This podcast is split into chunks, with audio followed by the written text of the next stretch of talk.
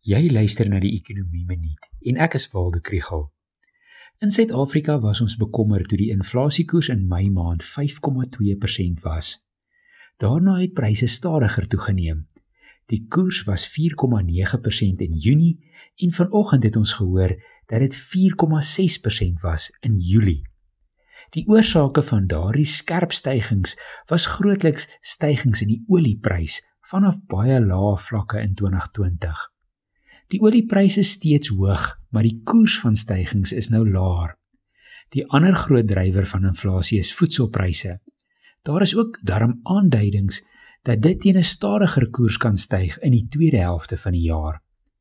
Teen 4,6% is die inflasiekoers naby aan die middelpunt van die Reserwebank se teikenband van 3 tot 6%.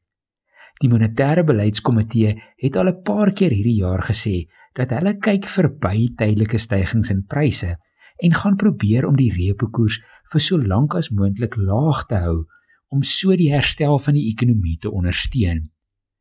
Maar ek dink dit is belangrik om te besef dat ons graag twee teenstellende dinge wil hê. Ons wil hê die ekonomie moet vinnig groei en werk skep, maar ons wil ook lae inflasie hê.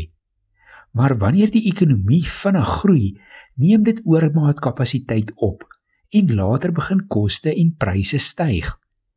So, hoewel ons dankbaar is dat inflasie laag is en rentekoerse ook, is die lae kerninflasie wat nou weer teruggesak het na 3%, 'n aanwyser dat die groei nog nie vinnig genoeg is om druk op pryse te plaas nie.